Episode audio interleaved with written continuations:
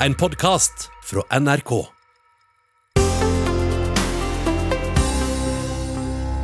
Er vi verdens likeste land, med rettferdig fordeling av godene og muligheter for alle? Også etter koronakrisen? Et virus spør ikke hvor mye penger du har, så da rammer det vel ganske likt både kong Salomo og Jørgen Hattemaker? Velkommen til debatt i P2. Jeg heter Sigrun Aasland og er nestleder i Tankesmien Agenda. Det er vi som har fått låne studio og lage radio på kanalen her i dag. Koronaviruset er eh, Nei, jeg kommer ikke på noe bra å si om det, egentlig. Katastrofe eh, for store deler av reiseliv og servering og mange andre næringer. Det betyr isolasjon og skjenkeforbud, og for mange kanskje jul alene. Men gjør koronakrise også samfunnet vårt mer urettferdig? Internasjonalt har vi sett at koronakrisen har rammet enda skjevere enn finanskrisen, bl.a. gjennom at jobbene som man ikke kunne gjøre på hjemmekontor, ble borte. Vi skal snakke om hva framtidas politikere vil gjøre med økonomiske forskjeller, her i Debatt i P2 i dag. Da får vi besøk av Astrid Villa Eide Hoem og Ola Svenneby. De er helt nyvalgte ledere i AUF og Unge Høyre, men før det. Hvor ille står det egentlig til? Jeg eh, vil gjerne spørre deg, Rolf Aaberge. Du er forsker i SSB, der du lager statistikk på ulikhet, fordeling og rikdom og formue. Hvor store er forskjellene egentlig på folk i Norge? Ja, det er faktisk avhengig av om du studerer formue, eller fordeling av formue, eller du studerer fordeling av inntekt. Så det er på en måte de to hovedstørrelsene når vi snakker om økonomisk ulikhet. Når det gjelder inntekt, så har vi vært vant til å tro at eh, det er veldig lav inntektsulikhet. Eh, nå har jeg jobba med et prosjekt sammen med to eh, kollegaer av meg i lang tid. Olav Westad og Jørgen Modalsli. Og vi har jo da funnet at ulikheten er faktisk betydelig større enn den offisielle statistikken viser. Når det gjelder formue, så har vi også studert det ganske nøye og funnet at den er veldig høy. Ulikhet i formue i Norge er veldig høy, og på nivå med, med det vi er kjent med for land som Storbritannia, annet. Mm. Men har den blitt høyere over tid, eller har dere begynt å måle den på en annen måte? Ja, vi har begynt å måle på en annen måte, men når det gjelder uh, formuesulikhet, så har den økt ganske mye fra midt 90-tall og fram til i dag. Og Det er for så vidt rett at vi tilbake i tid har målt på en litt annen måte enn det som var vanlig, men fra og med 2010 så har også SSB i sin offisielle statistikk tatt hensyn til markedsverdien av bolig. Og eh, det er det vi har gjort tilbake i tid. Så du kan si det at eh, det nye vi har gjort, er å prøve å gjøre det samme som man gjør i dag, tilbake i tid også.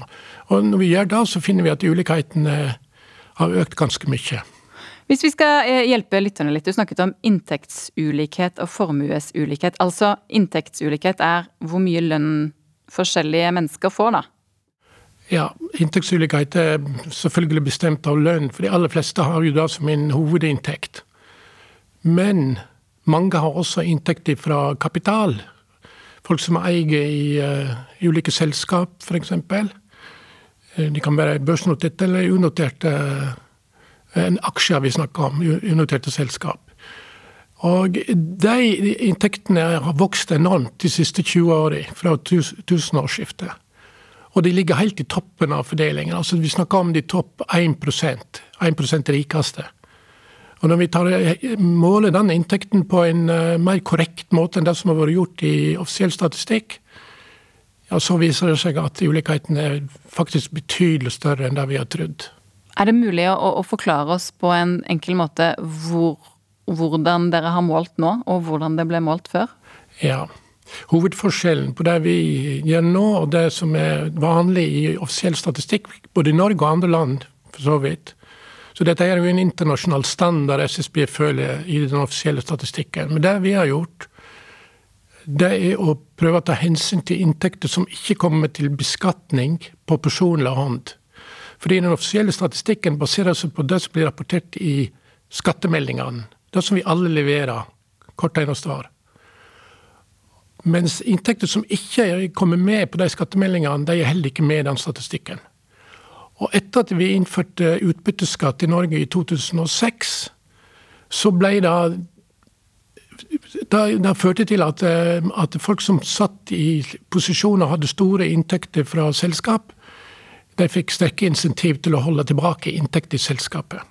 For Forskjellen eh, i dag da, fra 2005, for å bare sammenligne med 2005, er at i 2005 var det ingen utbytteskatt. Du kunne ta ut så mye du ville uten at det ble skatta for det. I, i, nå, I, dag så betaler du 32 i skatt. Det vil si at eh, hvis du har tjent 10 millioner, og du velger å la det stående i selskapet, så sparer du 3,2 millioner på det. Tar du ut de 10 millionene, så, sparer, så må du betale 3,2 millioner. Så det, vi snakker om veldig mye penger. Og det har ført til at, eh, at inntektsstatistikken på en måte ikke er helt sammenlignbar over tid etter, etter den utbytteskatten ble innført. Vi har da funnet at uh, andelen av inntekter som tilfaller den 1 rikeste, den har kommet opp i 20% av den totale inntekten i samfunnet. Det er der den ligger på nå. Han har vært oppe i 22% i 2006 og 2007. Nå er han altså rundt 20 Og det er på nivå med USA, det. Så den 1% som har mest penger, de tjener 20% av alt som tjenes i løpet av et år. Um, mens Rolf sitter og lager statistikk, uh, så leser du statistikken, Hanna Gitmark. Du er fagsjef i Tankesmien Agenda, og jeg vet, særlig opptatt av ulikhet. Hvorfor er det så viktig uh, å være opptatt av ulikhet i et land med så små forskjeller som vi tross alt har, Hanna? Nei, Det er jo et spørsmål som ofte dukker opp. Uh, ofte når, når, jeg og vi i Tankes min agenda har deltatt i debatten om økonomisk ulikhet, så blir det noen ganger sagt at det er ikke noe vits i å være opptatt av ulikhet i et land hvor forskjellene er så små. Norge er tross alt et av verdens likeste land. Og til det sånn umiddelbart er det å si at uh, vi, vi, vi slutter jo ikke å snakke om hvordan vi som land skal tjene penger i tiden framover, selv om vi også er et av verdens rikeste land. Så selvfølgelig skal vi være opptatt av denne utfordringen, selv om utfordringen eh, for oss er mindre enn andre land. Eh, men det andre å si er jo at eh, sånn som Rolf Aaberge her forklarer, så er det jo en del ting som tyder på at utfordringen kanskje ikke er så liten sammenlignet med andre land som vi har trodd. Um, offisiell statistikk som brukes eh, av SSB offisielt eh, ennå, viser jo også at forskjellene både i formue og inntekt øker. Så det er jo ikke bare når man måler sånn som eh, Aaberge og kollegaene hans har gjort. Men det som er utrolig interessant med den måten de har gjort det, er at vi får en ny innsikt og forståelse i at forskjellene er mye større enn vi, vi har trodd. Um, og så er det jo uh, mange grunner til å være bekymra for økonomisk ulikhet uansett hvor stor den ulikheten er. Uh, og det er jo det det har vært økende internasjonal oppmerksomhet om de siste årene. Det er mange årsaker til det. En av de handler jo om at konsentrasjon av, av, av, penger, av rikdom, også fører til konsentrasjon av makt. Det har også Rolf Aaberge og kollegaene hans ved SSB gitt oss innsikt i. Han kan sikkert si litt uh, mer om det uh, selv, men det bør jo også oppta oss som et, sant, som et liberalt demokrati der vi ønsker at det er stemmer som skal telle, ikke penger. Når noen får veldig mye penger, så får de også makt. Og den makten, uh, i tillegg til å bli økonomisk, kan bli politisk. Um, og Det mener jo jeg er tydelig at vi ser i diskusjoner om formuesskatt. Hvor vi eh, får høre fra noen med veldig mye penger eh, eh, si veldig tydelig hvordan de mener samfunnet skal være. Og så skal vi andre, fordi disse på en måte har skoene på, da, så skal vi lytte til det de sier. Eh, og jeg mener selvfølgelig skal vi lytte, men vi kan jo ikke ta avgjørelser om skattesystemet vårt som skal fungere. Eh, eh, som en helhet og på en bærekraftig, rettferdig måte, basert på hva noen med tunge egeninteresser mener. Eh, og jeg syns også vi har sett i diskusjonen om så grunnrentebeskatning. Da, altså, rikeste, noen av de rikeste i Norge har tjent pengene sine på lakseoppdrett. og der har det vært et offentlig utvalg som har foreslått at vi skal øke skatten på denne type virksomhet. Hvor vi har sett tydelig at når disse som har da tunge økonomiske interesser i å beholde systemet sånn som det er, legger enormt vekt i og masse penger i å drive lobbyvirksomhet for det motsatte, så er det også et eksempel på hva, hva økonomiske interesser eh, kan gjøre, eh, og også få en betydning eh, politisk. Nå har vi snakket om de, de på toppen, de rikeste. Eh, er ulikhet, handler det først og fremst om at de rike blir rikere, eller at de fattige blir fattigere, Rolf? Det handler om begge deler. Og hva er det vi ser mest, da? Ja, altså, la meg først si det, det er et godt spørsmål. dette der, fordi at Når jeg nevnte det med topp 1% så gir jo det en indikasjon. ikke sant? Fordi at Når 1% har 20% av inntekten, så betyr det at de resterende 99% altså det store store flertallet, de må da dele på den resterende 80% av inntekten. Så det er en indikasjon på at det vil bidra til stor ulikhet. Men det er fortsatt viktig å vite hvordan resten er fordelt.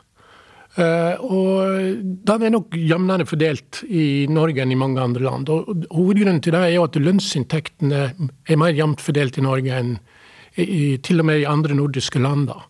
Slik at uh, Det legger jo en, en demper på, på, ulikheten. Men så, det andre spørsmålet ditt er jo de som befinner seg helt nederst i fordelingen. Og Der har det jo vært en viss, viss utvikling da, i, um, i, andelen som vi kan si er fattige eller, eller langtidsfattige. Altså at de befinner seg med lave inntekter over tid. da. Og det, det, har jo økt, og det har selvfølgelig også sammenheng med, med innvandring fra fattige land. Eh, det, fordi det, det, er jo et veldig utfordrende uh, problem, egentlig. Fordi mange av de som kommer fra fattige land, har ikke de kvalifikasjonene som ofte stilles til arbeidskraften i en økonomi som den norske. Fordi at vi er langt framme i bruk av teknologi osv.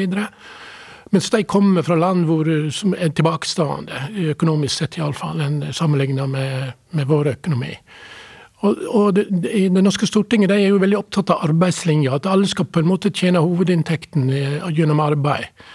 Eh, og det er litt vanskelig å få til samtidig som man eh, ønsker å hjelpe folk som har lave inntekter.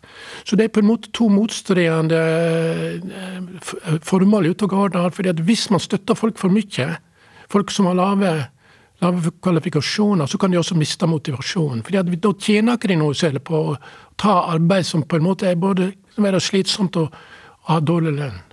Så det er et dilemma, rett og slett, altså, som er vanskelig å se hvordan man kan komme ut av. Iallfall gjennom én generasjon. Hva tenker du om eh, den andre enden av inntektsfordelingen, eh, Hanna? Hva er det som skjer der? Handler det om innvandring, eller er det også andre Nei, altså mm, som, eh, som, regjeringens egne ulikhetsmelding viser, da, så er den viktigste enkeltårsaken til økningen vi har sett i ulikhet de siste 40 årene, at de rikeste har blitt rikere. Og dette er også basert på eh, Rolf Aaberge og kollegaene hans eh, sin forskning, og, og, og ofte har jo Um, spesielt liksom, da, da, Siv Jensen var finansminister, så sa hun ofte at det er innvandring uh, som er årsaken til, til, den økte ulikheten. Og det er jo helt klart, som Rolf sier, uh, helt uh, åpenbart at innvandring har noe å si. Jeg mener jo at det bør ha noe å si for innsatsen vi legger i politisk å løfte de som kommer med dårlige kvalifikasjoner. Jeg mener at det er løsbart. Eh, men den andre eh, delen bør man jo også ønske å gjøre noe med. Da. Og de er jo spesielt sensitive for skattesystemet. Sant?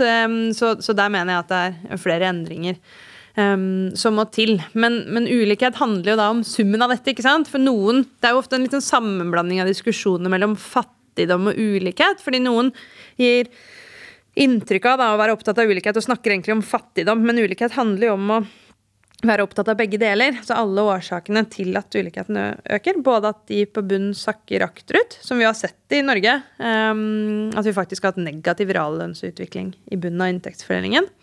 Eh, men også at de toppen eh, i økende grad stikker fra, både når det gjelder inntekt og når det gjelder formue. Og det får jo en slags selvforsterkende effekt, ikke sant? for når formuen vokser, så får du, som Rolf var inne på i stad, inntekter fra det. Sant? Løpende inntekter, som gjør at inntekten vokser. Og når inntekten vokser, så legges jo det på formuen igjen. Så det får en veldig sånn snøballeffekt som raskt øh, øh, ruller, da. Eh, du var inne på Rolf Aaberge, en studie som dere har gjort i høst, som dere publiserte, eh, og der dere har målt ulikhet, altså iberegnet eh, verdier som mennesker ikke har tatt ut av selskapene sine.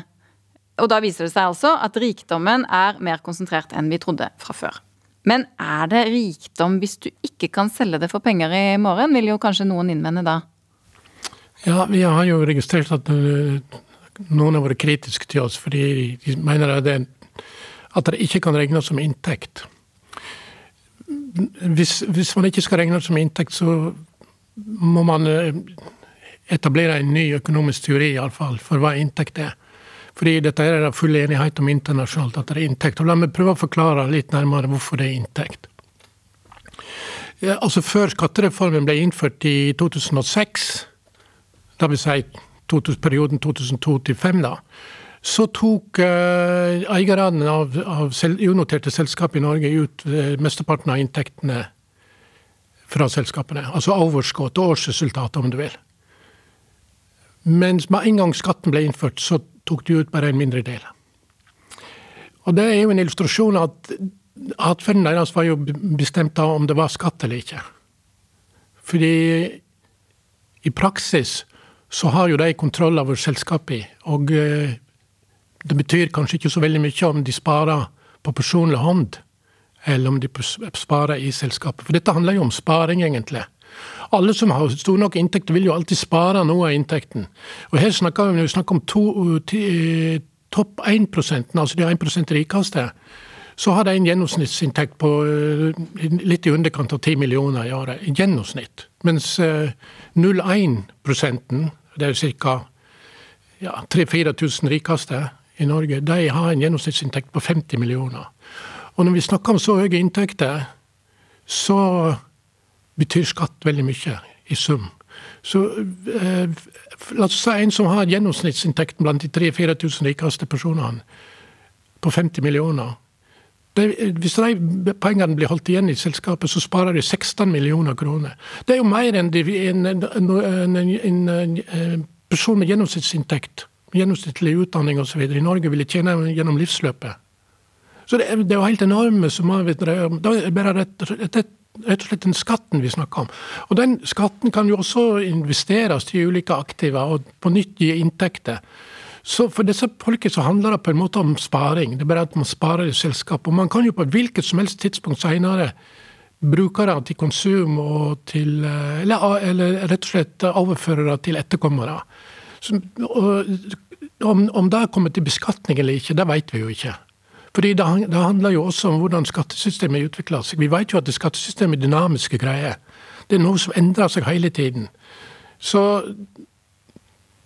Framtiden er vanskelig å si noe selv om, men, men jeg mener, det er veldig rasjonelt av de aktørene som har så store inntekter, å spare i selskapet. Og det er, det er klart at Enhver sparing skal jo, før det er blitt sparing, så må det ha vært inntekt. Hvis ikke så er ikke, det, er det mulig å forklare hvorfor vi har fått den store økningen i formuer som vi har fått i Norge. Så da bryter du på en måte med den regnskapsmessige sammenhengen mellom inntekt, sparing, konsum og formue. De fire størrelsene de henger nøye sammen. Hvis man ikke regner inn tilbakeholdte inntekter i et selskap, ja, så holder ikke den sammenhengen lenger. Og da må man jo spørre seg hvor kom pengene ifra? Hvor kom den formuesdelen ifra? Og når vi gjør det på den måten som man skal gjøre, da, som samsvarer med økonomisk teori og med vanlig praksis internasjonalt, vel, så viser det seg at uh, disse inntektene som de mottar totalt hvert år, er veldig store. Og de ender opp med i dag rundt 20% av totalinntekten. Hanna? Ja, og jeg syns jo dette er eh, enormt interessant. Litt eh, referanse til det vi snakket om i stad, om, om, maktkonsentrasjon også. For det gir jo en enorm altså Selv om de pengene ikke er tatt ut eh, på personlig hånd, så gir jo dette disse inntektene som står i selskapene, også makt. Eh, I den politiske diskusjonen, da, for eksempel, så syns jeg det som også er utrolig interessant med dette liksom, veldig viktige statistiske arbeidet, og forskningsarbeidet som, som uh, Rolf Aaberg her har gjort, er jo at det gir oss et bedre innblikk i hvordan inntekt og også tidligere arbeid, hvordan formue er fordelt. Um, og når du spurte litt i stad hvorfor, hvorfor skal vi være opptatt av ulikhet, så snakket jeg litt om dette med makt, men en annen Det er jo ganske mange andre årsaker til at vi også skal være opptatt eh, av forskjeller. Og en del er jo at vi ser at der i, i land som opplever eh, at over tid så har eh, så har konsentrasjonen og inntekt og formue eh, økt i toppen, så gir jo det sant, misnøye, uro. Det gir grobunn for polarisering.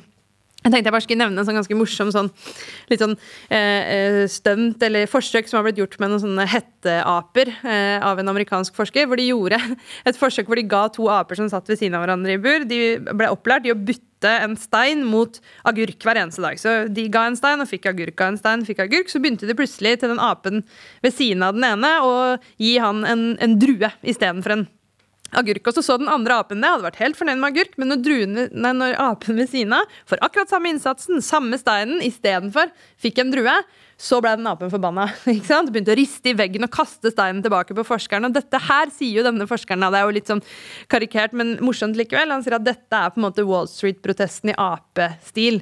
Fordi når man opplever at man legger ned hard innsats, og ofte den samme innsatsen som naboen eller som de du kjenner, men ender opp med å få mye, mye mindre igjen, så skaper det misnøye. Og i Norge så snakker vi ofte om at sant, vi er en åpen økonomi som eksporterer masse. Internasjonale handelssamarbeid er kjempeviktig for oss. Og globaliseringen gir enorme gevinster for oss som samfunn. Men når noen opplever, og, og i Norge egentlig liksom en, en, ganske stor andel opplever at ikke de ikke ser nok til disse gevinstene, når, når, de går til en andel på toppen, mens vi får reallønnsnedgang og press på liksom, lønns- og arbeidsvilkår eh, i deler av, av, inntektsfordelingen, så gir jo det på en måte opphav eh, til misnøye. Uh, og I tillegg til dette, så, så, årsaken til at organisasjoner som Verdensbanken, og IMF og OECD, altså miljøer som ikke liksom, tidligere har vært så veldig opptatt av inntektsforskjeller da, og, og, forskjeller i, i formue, nå er det, så er jo også det for de blir bekymra for veksten i økonomien. ikke sant? Både pga. dette, pga. at man får økende misnøye med, med internasjonale handelssamarbeid uh, og samarbeid generelt, men også fordi det handler om at, at uh, i et samfunn hvor ikke mulighetene er jevnt og likt fordelt, så blir det også vanskeligere for sant, de talentene som skal opp og frem, å komme opp hvis du fødes i en familie hvor det ikke er tid til å tenke på uh, utdanning, f.eks. Og dette refererer vi ofte til som sosial mobilitet. Ikke sant, mulighetene dine til å til å tjene mer eller få en annen utdannelse enn foreldrene dine. Og den ser vi også at i Norge reduseres. Også Sammenlignet med USA for eksempel, så er vi et annet sted. Vi har et uh, gratis utdanningssystem uh, og, og, og, likere muligheter, men vi ser også at mobiliteten reduseres her. Så bare sånn siste poeng til dette med økonomisk vekst, så er det også sånn som Rolf refererte til i så at når de rikeste får mye penger, så spares jo disse pengene. Det skaper jo heller ikke noe særlig fart i økonomien. Så ut fra et sånn økonomisk vekstperspektiv så er det jo bedre at de på bunnen har mer å rutte med, enn at de på toppen sitter og sparer. Så sier ofte andre at men, de reinvesteres, men det vet vi jo ikke så mye om. Vi vet at de spares, men vi vet at de med lavere inntekter oftere bruker pengene da, og holder økonomien i, i gang. Disse, eh, kanskje disse 1 som Rolf Aaberge snakket om, da, som eh, har fått eh, i løpet av et gitt år 20% av alle inntektene, de har jo eh, eh, også jobbet hardt for inntektene sine. Eh, det finnes studier som viser at vi i Norge har flere dollarmilliardærer for eksempel, da, enn andre land. Er ikke det bra? Altså, det er alltid fint at folk står på uh, og jobber. Og i Norge er det jo lov å bli rik, og det tenker jeg at det bør være. Uh, men jeg tenker at diskusjonen handler om hvordan de som tjener penger, uh, også skal bidra tilbake til fellesskapet. Og dette har jo vært et bærende prinsipp for det norske skattesystemet siden slutten av 1800-tallet. At vi skatter etter evne. Og mange av disse som har tjent enorme summer i, i, Norge, har jo vært flinke folk som har tatt risiko, for all del, men de har også tjent penger fordi de har muligheten til å drive næringsvirksomhet i et samfunn hvor vi har gjort felles investeringer i, i infrastruktur, um, i velferdsordninger, i sosiale sikkerhetsnett, som gjør at vi deler på kostnadene ved omstilling. Um, og vi blir jo stadig vekk kåra til et veldig bra sted å drive næringsvirksomhet, til tross for et høyere skattenivå enn mange andre steder. Uh, og da er det jo paradoksalt at mange av de aller rikeste jobber for å påvirke politikken i en retning som, som jeg mener da, bidrar til å undergrave dette systemet, som, som ga mange muligheten til å tjene penger i utgangspunktet. Eh, Rolf Aaberge, jeg vet at du sitter jo i SSB og ser på tall og statistikk på hva som har skjedd, men jeg har lyst til å spørre deg likevel om å se litt inn i krystallkulen. Jeg innledet eh, samtalen med å si at eh, kriser, og kanskje også den krisen vi står i nå, eh, gjerne fordeles skjevt eh, i befolkningen. F.eks. For fordi noen jobber da kan gjøres på hjemmekontor, og andre ikke kan det. Eh, hva tror du vi kommer til å se i Norge i løpet av det neste året, vi skal, når vi fortsetter å måle ulikhet i inntekt og formue? Eh, framtiden er først og fremst usikker. Det er min, mitt utgangspunkt alltid når vi snakker om framtiden. Hvis jeg skal bygge på fortiden, og det er fortidens krise noe vi selvfølgelig ikke kan si vil gjenta seg, eller at vi får de samme effektene. Men, men uh, siste, siste krisa vi hadde, var jo finanskrisa i 2008. Og den, den vis, viste jo at uh, det var de aller rikeste som, uh, som ble hardest ramma av det. Så da gikk faktisk ulikheten ganske kraftig ned, sånn som vi måler den. Men hvis man ikke tar hensyn til tilbakeholdte inntekten, så ser det ut som det ikke, ulikheten blir påvirka i hele tatt. Så eh, de fleste i befolkningen for øvrig ble jo ikke noe uh, særlig ramma av den krisa. Så det er jo det ferskeste eksempelet. Når vi går tilbake til slutten av uh, eh, 1980-tallet, så var det litt av samme. Hadde vi en veldig alvorlig krise. og Vi hadde jo også noen banker som gikk konkurs. Eh, arbeidsledigheten økte til ca. 6% som ble regna for å være veldig høyt i Norge. Det var ikke det i Europa, men 6% i Norge det var på grensa til revolusjon. Og, men den, den, arbeidsledigheten gikk jo veldig raskt ned igjen. Da. Så man kom veldig fort over den krisa. Og, og, de fleste norske husholdninger de ble faktisk lite ramma, fordi man korrigerte innad i en familie. Hvis en hadde mista jobben, så jobba den andre mer, f.eks. Og så hadde vi jo, hadde vi jo eh, trygdeordninger osv. som også bidro. Så til sammen så kan du si det at det førte til at effekten på de vanlige husholdningene var relativt beskjeden. Hvis vi skal snakke om enda større kriser, gå litt lenger tilbake i tid, så vil det jo største i forrige århundre å være andre verdenskrig for Norge. da. Og det, det, var faktisk et vendepunkt. 1940 representerte et vendepunkt i Norge, fordi ulikheten begynte å gå ned. Den hadde vært på et enormt høyt nivå før det, og så begynte den å gå ned. Og Det skyldes jo at uh, den vanlige kapitalistiske måten å styre økonomien på, da, den ble satt ut av spill. Vi fikk en kommandoøkonomi, og tyskerne introduserte jo også massevis av prosjekt som gjorde at folk som var arbeidsledige, kom i jobb. Så det var den ene effekten, at flere som ikke hadde inntekter, fikk inntekter. Og så var det vanskeligere å tjene veldig mye penger for de i toppen. Vanskeligere enn før krigen. Så den, det var på en måte Hele krigen førte til at ulikheten gikk nedover. Og så vet vi jo hva som skjedde senere. Så fortsatte på en måte den utviklingen med lavere ulikhet helt fram til tidlig 50-tall. Og så etter det så holdt det stabilt på et lavt nivå fram til tidlig 80-tall. Og da snudde det. Og etter det så har ulikheten økt, og kanskje noe mer enn det vi også har trodd, som jeg nevnte tidligere. Hanna, hva tror du vi kan si om eh, krisers innvirkning på fordeling av penger og goder i samfunnet?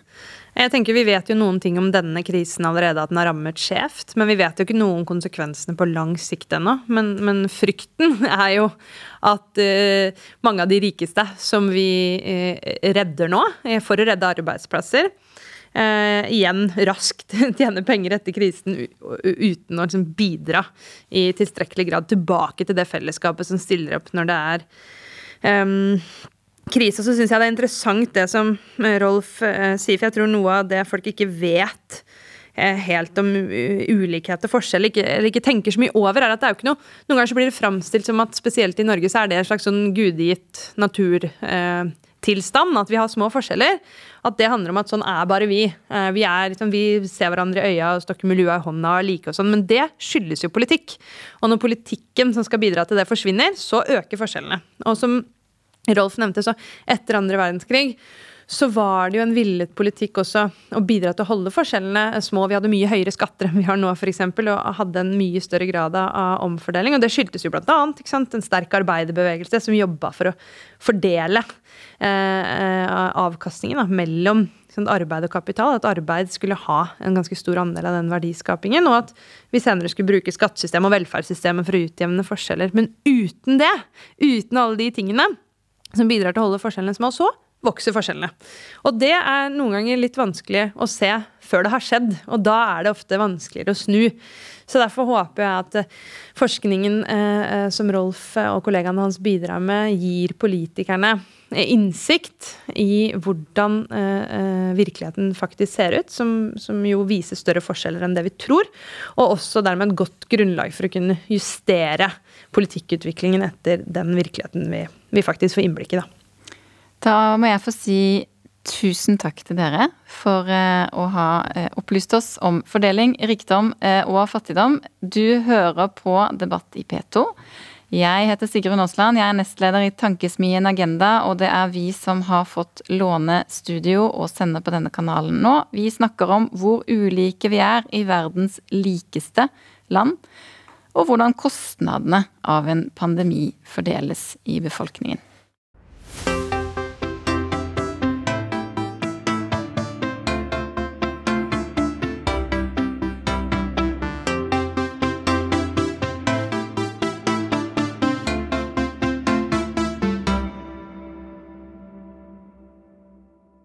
Er ulikhet et problem? Bør vi gjøre noe med det? Du lytter til Debatt i P2, og jeg heter Sigrun Aasland. Jeg er nestleder i Tankesmien Agenda, og det er vi som har ansvar for denne sendingen. Vi har hatt besøk nettopp fra Statistisk sentralbyrå eh, og hørt at eh, forskjellene i hva folk tjener og hvor mye formue de sitter på, har økt. Eh, nå skal vi spørre noen av de som etter hvert skal bestemme hvordan godene skal fordeles. Eh, vi har fått besøk av eh, Astrid Villa Eide Hoem og Ola Svenneby. Eh, de er begge nettopp valgt som ledere av AUF og Unge Høyre. Eh, gratulerer til dere. Tusen takk. Tusen takk. Og velkommen. Takk. Takk. Ola, jeg har lyst til å begynne med deg. Ja. Eh, Er de økonomiske forskjellene er de for små, for store eller akkurat passe?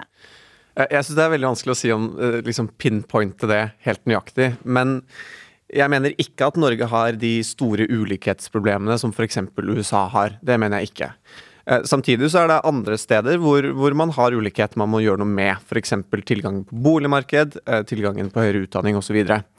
Men hvis spørsmålet ditt er om jeg kan akseptere at, at ulikheten kan bli høyere, så kan faktisk svaret på det være ja. Fordi jeg kan akseptere høyere ulikhet hvis det f.eks. kommer av at Norge får en gründer som finner opp Spotify, eller en gründer som finner opp Skype, eller på, hvis de hadde fått vår egen Elon Musk. Så jeg mener at ulikheten i Norge er på et relativt godt nivå. eh, At det er enkelte steder man bør hvor det åpenbart er for store forskjeller.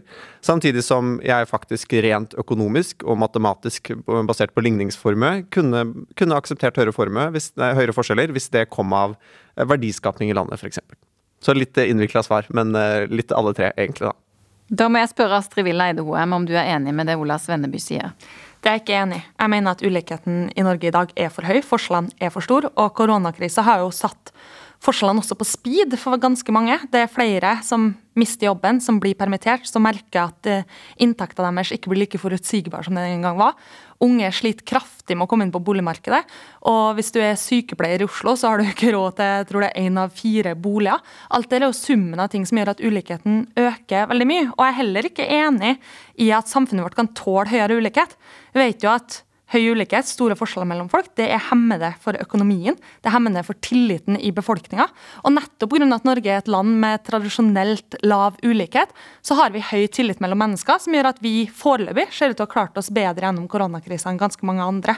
Så jeg bekymrer meg veldig for den økende ulikheten, og jeg bekymrer meg spesielt for vår generasjon, som kanskje skal vokse opp i et samfunn med enda større ulikhet enn det foreldregenerasjonen vår har gjort. Men Ola Svenneby sier at eh, det er ok at forskjellene blir litt større, og nå skal jeg eh, forsøke å sitere deg riktig. Eh, hvis det f.eks. betyr at noen har gjort en stor oppfinnelse, jobbet veldig hardt, fått til eh, en vellykket bedrift f.eks., som vi jo ønsker oss eh, i landet, eh, det må være en bra ting. Jeg mener at det alltid er bra hvis noen har lyst til å starte et selskap i Norge, men jeg mener at økonomien og fellesskapet vårt er best tjent av at folk flest har like muligheter. Og da er det uavhengig av hvor du jobber, eh, hvor du er ansatt, at du skal ha de samme mulighetene. Nå, nå ser vi jo at veldig mange har hatt nesten tilnærmet inntektsstans i ganske mange år, samtidig som de med de største formuene de har fått enda større formuer. Og det gjør noe med samfunnet vårt, det gjør noe med tillit mellom folk, det gjør noe med mulighetene til mennesker. Og jeg tror også at de som går på jobb i dag i koronapandemien i butikken eller som taxisjåfører eller vektere, de legger ned en like stor innsats som ganske mange gründere og gjør en ærlig dags arbeid hver eneste dag. Og de må fortjene å oppleve at de er i et samfunn der deres eh, arbeid er verdsatt. Ola Svenneby, eh, har alle de samme mulighetene til å bli gründere i Norge? Nei, absolutt ikke. Altså, en, selv en høyremann som er glad i markedsøkonomi og som, som er glad i individualisme, må erkjenne at nei, det har man ikke. Det er veldig mye som kommer an på hvilke foreldre du har. Det er veldig mye som kommer an på hvordan du blir oppfølgt hjemmefra, hvilken skole du møter, hvilken by du har vokst opp i. Eh, og det er ingen som har like utfordringer. Det, de er like forskjellige som vi er mennesker. Så nei, alle har ikke like stor muligheten til det. Overhodet ikke. Men da er poenget ok, hva gjør vi med det? Sant? Eh, og så, så fort man diskuterer ulikhet, så er det veldig fort at man en gang begynner å diskutere skatt. Men skatt for å motvirke ulikhet, det er jo å motvirke en ulikhet som allerede har oppstått. En av de største formene for ulikhet i dag er å stå innenfor og utenfor arbeidslivet, um, f.eks. Det henger tett sammen med skolesystemet.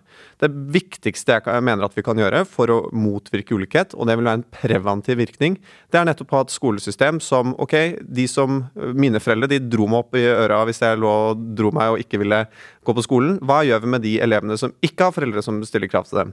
Som ikke møter opp på skolen? Så preventivt uh, Jeg er mye mer tilhenger av at man preventivt skal motvirke ulikhet, og da mener jeg at by far at, at, at det er Høyre som sitter på riktig, riktig medisin akkurat her. Si litt om den medisinen. Nei, jeg tror at for å ta fraværsgrensen som et veldig banalt eksempel på forskjellen, eh, slik jeg anser den på høyre- og venstresiden sin skolepolitikk, og der syns jeg for øvrig eh, ikke Aksel Bronsterry, men Brånen, det er vel hans far, i, i Klassekampen skrev veldig godt om det. Det handler nettopp om hva gjør staten med de menneskene, eller vi som samfunn, med de skoleelevene som ikke har foreldre som stiller krav. Jo, da må samfunnet stille krav til dem. De som har foreldre med høyere utdanning, vet du hva, de klarer seg i all hovedsak bra. Og det er faktisk sånn at skolesystemet i Norge i dag det favoriserer de med høyere utdanning. Jeg er fra sør i Hedmark. Gutter sør i Hedmark. Hvis du har, for å sitere Thomas Nordahl, hvis du er gutt uh, sør i, i, Hedmark og med foreldre uten høyere utdanning som i tillegg er født i november, da er det bare å ringe, ringe mm, ekstrahjelp med en gang. sant? Så dette er det jeg mener er de store forskjellene i, i, i de aller største forskjellene, som oppstår egentlig mye mer på, uten at for barn har ikke noe ansvar for hva slags liv de har. Um, og der mener jeg at uh, det å stille krav i skolen, det å stille krav til lærere ved utdanning f.eks., det er en klasseforskjell mellom Høyre og Arbeiderpartiet. Astrid? Det er jeg uenig i. Uh, og jeg mener også at det skumleste med forslaget er at det påvirker alle aspekter av samfunnet vårt. Det påvirker som jeg sa, både tilliten, det påvirker hvilke muligheter du reelt sett har, og hvilke muligheter du ser for deg at du har. Og det her er vi nødt til å løse på veldig mange nivå. Vi er nødt til å løse det i skolen, fordi det er dessverre sånn i dag at hvis eh, foreldrene dine dropper ut av videregående, så er det større sannsynlighet for at du dropper ut av videregående. Der tror jeg at man kan gjøre ting med at man har mer av læringa på skolen og mindre av leksene hjemme, f.eks. Men man er også nødt til å gjøre noe med den økonomiske fordelinga i samfunnet vårt. Og jeg er uenig i at det å, å, snakke om skatt det er noe som man snakker når etter ulikheten har kommet. For den ulikheten den fortsetter jo ned til barna til dem som opplever det samme. Og når ganske mange nå i ganske mange år. Jeg tror det er fem runder der NHO har sagt at nå må vi stoppe liksom lønnsøkningene. Folk har opplevd at lønnene deres har stått stille, samtidig som de er mest i samfunnet vårt har fått enda mer. Ja, så gjør det både noe med ulikheten i samfunnet vårt, og det gjør noe med rettferdighetsfølelsen vår. Og Derfor mener jeg at man også må kunne diskutere arv, eh, skatt på arv, fordi at det skal lønne seg mer å stå opp om morgenen og jobbe enn å stå opp og arve. Vi er nødt til å diskutere skatt på bolig, fordi at det både henter inn inntekter til staten, men ikke minst så gjør det at omfordelinga på boligmarkedet blir bedre. Nå sitter jo folk og eier 300-400-300 leiligheter, venter på prisstigninga eller leier ut til blodpris til oss unge. Og alt det her er jo med på å forsterke ulikheten i samfunnet vårt. Det er med på at den griper seg fast. Og da vi ikke, kan vi ikke bare ha én løsning som eh, får ned forskjellene blant folk. Vi er nødt til å se hele samfunnet vårt under ett. Ok, Nå har Ola Svenneby pekt på skolen og lærerne og krav til barna. Du har pekt på bl.a. Eh, boligskatt, eh, arveavgift eh, og boligmarkedet. Hvis vi begynner med skole, da. Um, fra AUFs side, hvor enig og uenig er du i det Ola Svenneby sier akkurat om skolen? Er den eh, lik for alle? Er det like muligheter? Og hva, hva er det i så fall hvis ikke man kan gjøre med det? Det jeg mener er et stort problem i dag, er at skolen reproduserer sosiale forskjeller. At uh, lengden på foreldrene dine sin utdanning det har mye å si for hvor lang utdanning du tar. Om du dropper ut av skolen, så dropper mer sannsynlig du ut av skolen. Om de tok høyere utdanning, så tar mest sannsynlig du høyere utdanning.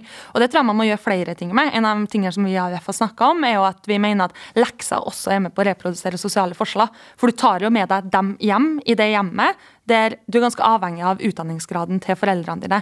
Vi mener at det må læres mer om i skolen. Og så mener jeg at det også handler om å ha lærere som har tid til å se hver enkelt elev, til å følge opp, at man har nok lærere i klasserommet, og ikke minst at man har en skolehelsetjeneste som er til stede hver dag. Fordi skolen vår er ikke i stor nok grad til det drømmesamfunnet som vi i AUF ønsker oss, med på å utjevne sosiale forskjeller. De er også med på å bygge opp under dem. Så, så det mener jeg også er utfordringen i skolen i dag. Hvis du skal svare på eh, Astrids eh, forslag eh, da, Ola. Er det rettferdig at noen får arve store formuer, eller at vi ikke i så stor grad beskatter boligene våre som det vi hvis jeg, ja, hvis, jeg kan, hvis jeg, kan, dele opp i det i to først, ta med bolig og så med arv. Ja, Om det er rettferdig at noen arver store bedrifter? Om det er rettferdig? Nei. Men har du en annen løsning? Det er jo ingen løsninger som er rettferdige. Men hvis man skal det folk primært arver i Norge, det er bedrifter. Hvis man skal ha arveavgift på dem, ok, hvor skal du hente de pengene da? Da må du hente de pengene i bedriften. Og bedriften er jo da et annet ord for jo, folks arbeidsplass. Så om det er rettferdig? Nei, men jeg tror det er den definitivt beste løsningen. Og så mener jeg også at det er et selvstendig, eh, selvstendig poeng at jeg mener jo at bedrifter helst skal være norskeide. Fordi det er de norskeide bedriftene som, som, som, legger ned sist, sant? som holder ut lengst. Fordi de har et ansvar overfor lokalsamfunnet sitt. Fordi felle, bedriftseieren har barn som går på samme skole som, som, de som jobber i bedriften. Så om det er rettferdig, nei. Men er, jeg tror absolutt det er den beste løsningen. Og til dette med bolig, så er det sånn at veldig mye av det Astrid etterspør, har allerede blitt gjort. At man har endret skattesystemet for sekundærboliger. Man har endret eh, deler av, av, av egentlig hele bolig, boligsystemet. Og hvis man f.eks. tar Oslo et, eh, som et eksempel Problemet i Oslo er at veldig mange vil bo i byen. Sant? Og når veldig mange vil bo i byen, ja, hva gjør man da? Da bygger man boliger. Byrådet i dag har nesten, ikke, eh, har nesten ikke regulert noen nye boliger. Og så sier man ja, regulert 10 000. Ja, de 10 000 de skal bygges i 2029. Problemet er nå.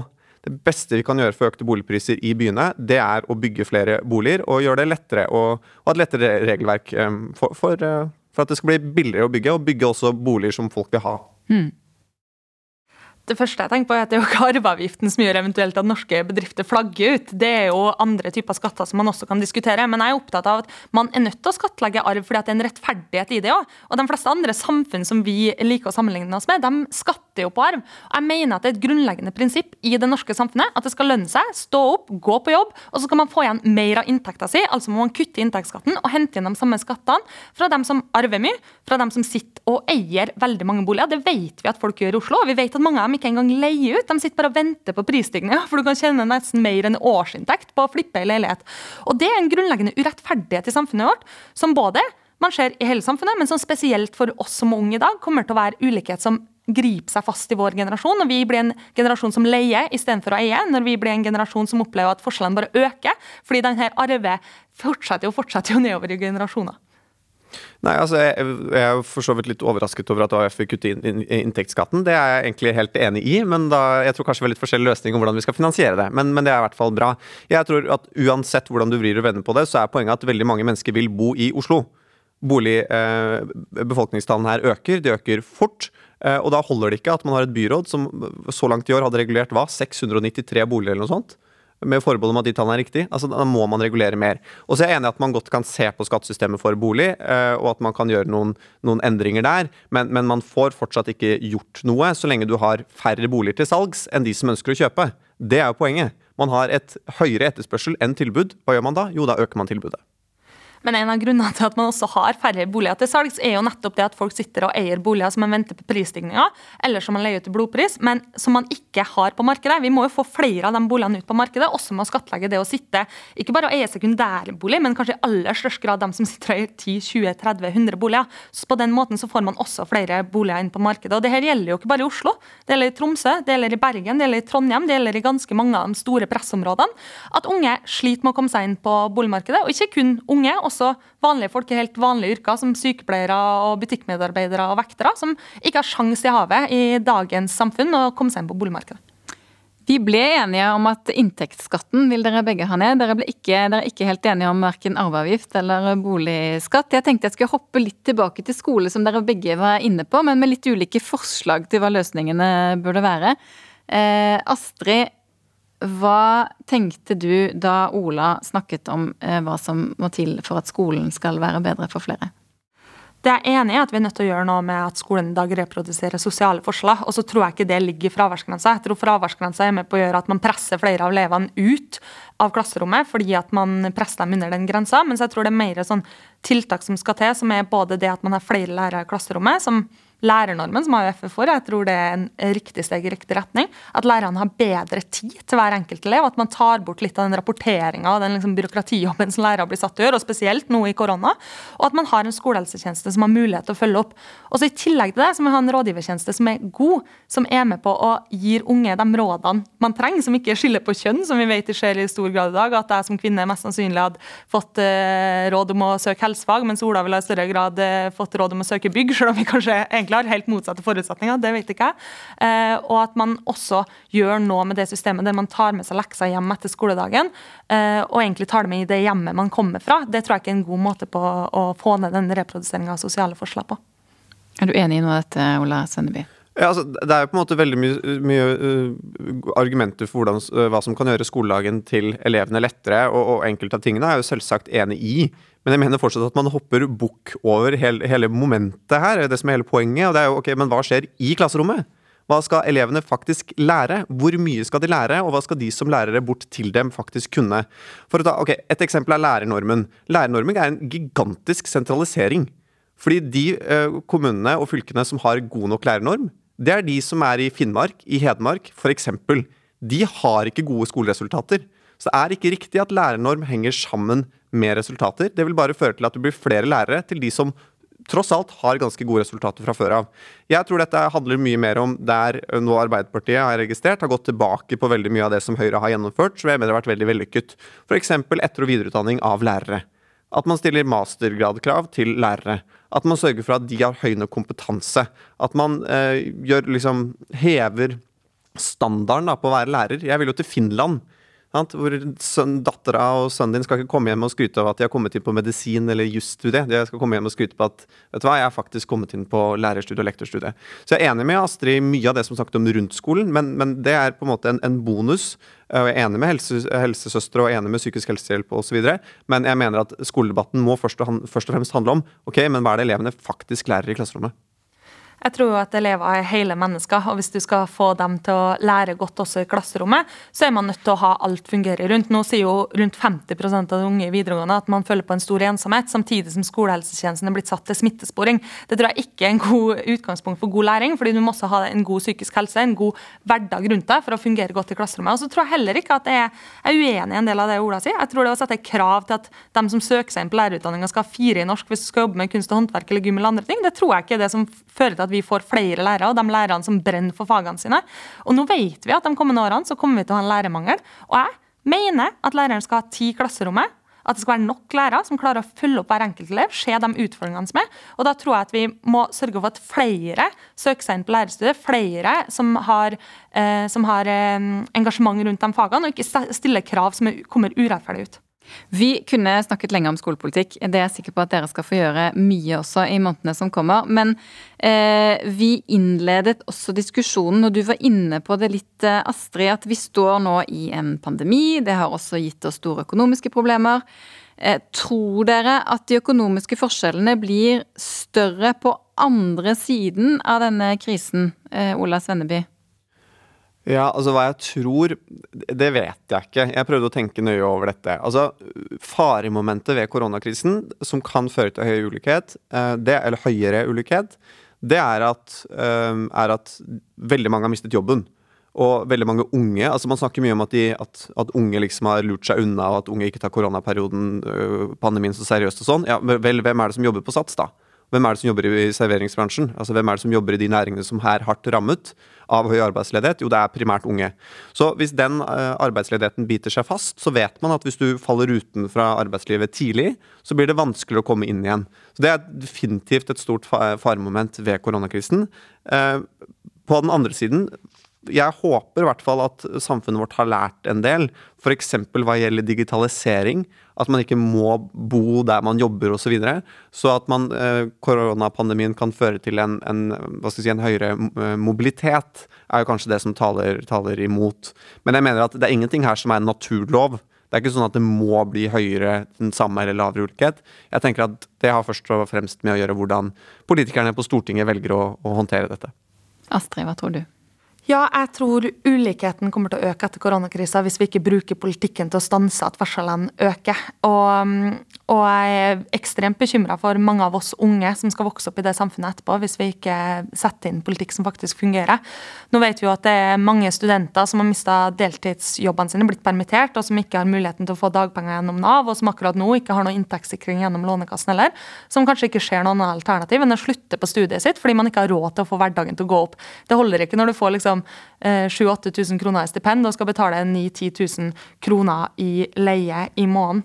Så, så, jeg tror at vi må, er nødt til å føre en aktiv politikk målretta mot å få ned forskjeller, hvis ikke forskjellene skal gå opp etter koronakrisa. Og Det handler om mange ting. Det handler om sånn som Ola sier, det handler om oss unge eh, å sette inn tiltak der. Men det handler også om for de voksne som nå er permittert, som ikke opplever at de kommer til å få feriepenger neste år. Og Alt det her er vi nødt til å ta tak i, hvis ikke kommer ulikhetene til å øke hvis vi gjør ingenting. Ja, altså jeg er jo ikke altså, Jeg tror egentlig Astrid er veldig enig i problembeskrivelsen her. Og så er det jo et lite moment her er jo den uttrykk som heter 'never waste a good crisis'. At man også burde bruke muligheten til at de, mange av de da som allerede står utenfor arbeidslivet, for det er veldig mange i Norge, står ufrivillig utenfor arbeidslivet, men som av en eller annen grunn, eller forskjellige grunner da, ikke blir plukket opp av arbeidsledighetsstatistikken, at man burde bruke eh, krisen nå, eller når, når pandemien er over, til å få dem inn i jobb. Fordi jeg mener at det viktigste vi kan gjøre for å forhindre økt ulikhet, det er nettopp å få fart på arbeidslivet, få fart på økonomien, og sørge for at folk har et, et sted å gå til. Så er det også et pluss da om man kan bruke denne muligheten her til at vi må bli mindre oljeavhengig. Der har uh, min regjering, uh, eller den ikke min regjering, men der har eh, Høyre med diverse eh, støttepartier og regjeringspartnere vært for dårlig. Det er tidligere regjeringer også. Men at man nå burde bruke muligheten til å legge opp til et skattesystem og næringspolitikk som gjør at man kan få flere bein å stå på. Og hvis det er grønne og bærekraftige næringer i tillegg, så er det et eh, stort pluss i boka tror vi både er nødt til å skape flere arbeidsplasser, sånn at folk har en jobb å gå til etter krisa. Jeg tror vi ikke bruker de store mulighetene til å skape arbeidsplasser innenfor grønne næringer, som vi burde ha gjort. Og så tror jeg i tillegg at vi er nødt til å gjøre noe med hele omfordelingspolitikken. Fordi nå kommer vi til å se at hvis inntektene til vanlige folk ikke øker de neste årene, og de store millionlønningene til offentlige, i offentlige ansatte, blant annet, eller ikke i offentlige ansatte, men offentlige ledere, eller at de store formuene fortsetter å øke, så vil jo forskjellene i formue bare øke og øke og øke som form av koronakrisa. Da er vi nødt til å ta tak i det som er kjernen av problemet, og det mener jeg også er skattepolitikken, å tørre å snakke om det. Og så er det spesielt blant unge, fordi jeg husker Bent Høie holdt jo en tale og sa neste neste sommer. Eh, det er ikke noe neste sommer for dem som er unge i dag, og hinta kanskje litt til liksom fadderuka og russetida. Men det er ikke noe neste sommer hvis arbeidsledigheten har grepet seg helt fast. Det er ikke noe neste sommer hvis du har slutta på studiet fordi du ikke hadde råd til å fullføre fordi at du ikke hadde den deltidsjobben. Og det er de grunnleggende reelle problemene for unge i dag. Mm.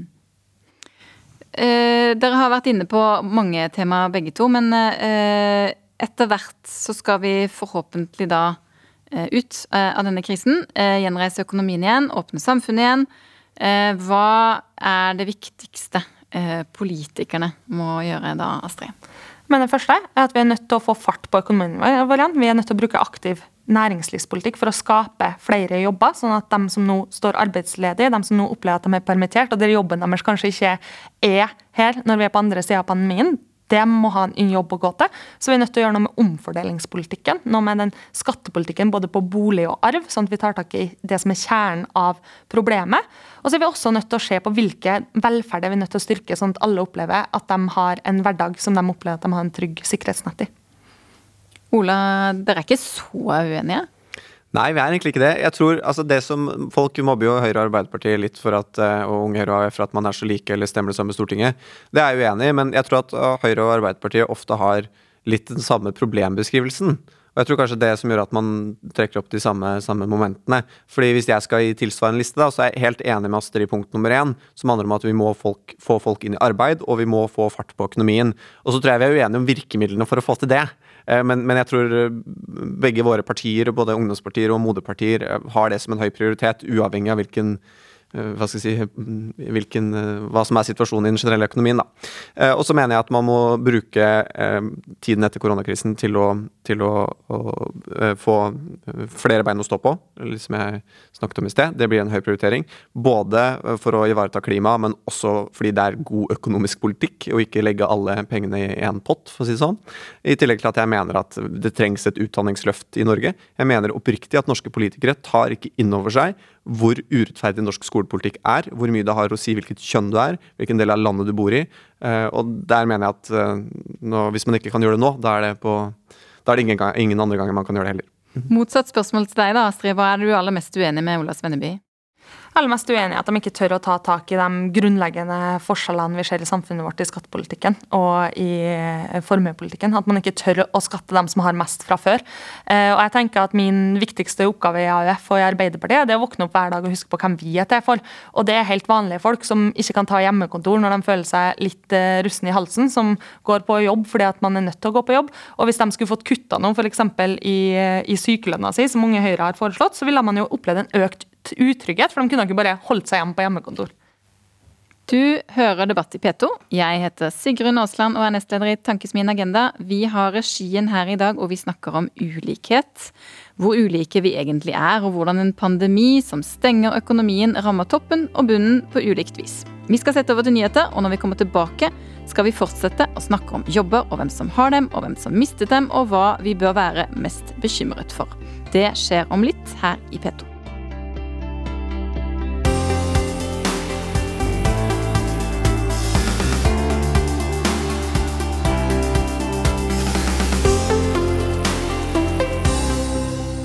Du har hørt en podkast fra NRK.